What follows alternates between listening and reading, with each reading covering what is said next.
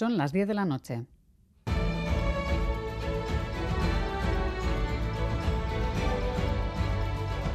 Radio Euskadi y Radio Vitoria. Servicios informativos.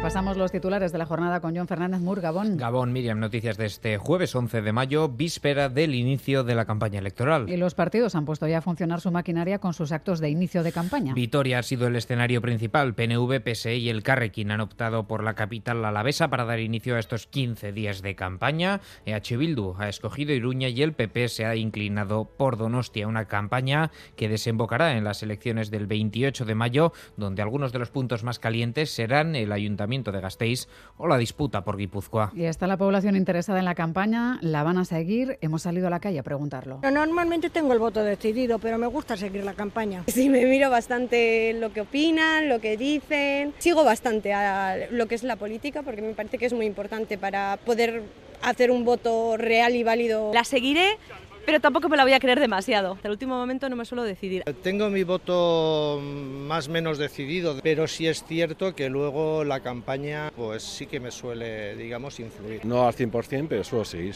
Pero además de la campaña sigue abierto el debate sobre la lista de H. Bildu. Críticas porque entre sus candidatos hay siete personas que cumplieron condena por asesinatos de ETA. Hoy se han posicionado Íñigo Urcuyu y María Chivte.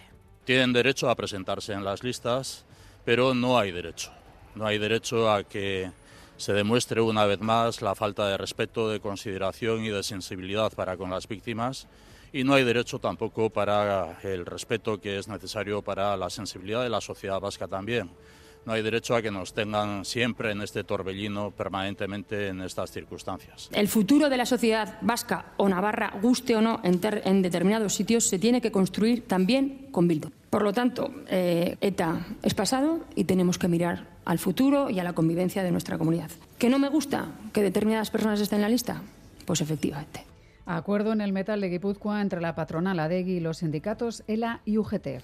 Un pacto que incluye subidas ligadas a la inflación, aunque no asegura el IPC real en todos los casos. Los firmantes dicen que es mucho mejor que lo conseguido en Álava y Vizcaya. Unai Martínez, responsable de industria del sindicato ELA conseguimos a un oficial de primera en Eibar cobre 6.000 euros más que una persona en Erma por realizar el mismo trabajo. Esos incrementos que nos decían que eran imposibles, en Guipúzcoa los estamos logrando.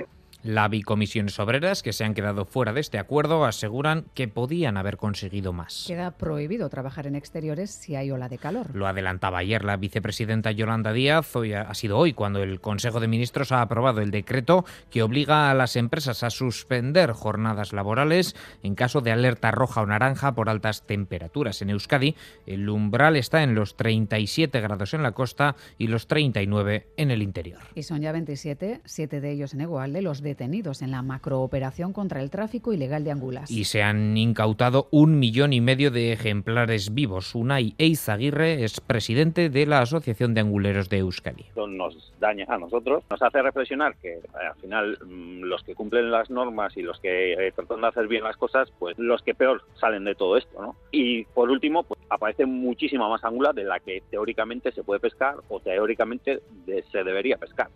Por lo tanto, entendemos que estamos dañando muchísimo a la especie, pero no los pescadores, sino otra gente, ¿no? Que está dañando eso. Entonces, pues duele, duele. El del contrabando de angulas es un negocio que, es un negocio que según Europol mueve hasta 3.000 millones de euros al año. Así terminamos. Más noticias en una hora y en todo momento en itv.eus y en la aplicación ITV Albisteac. Geruarte.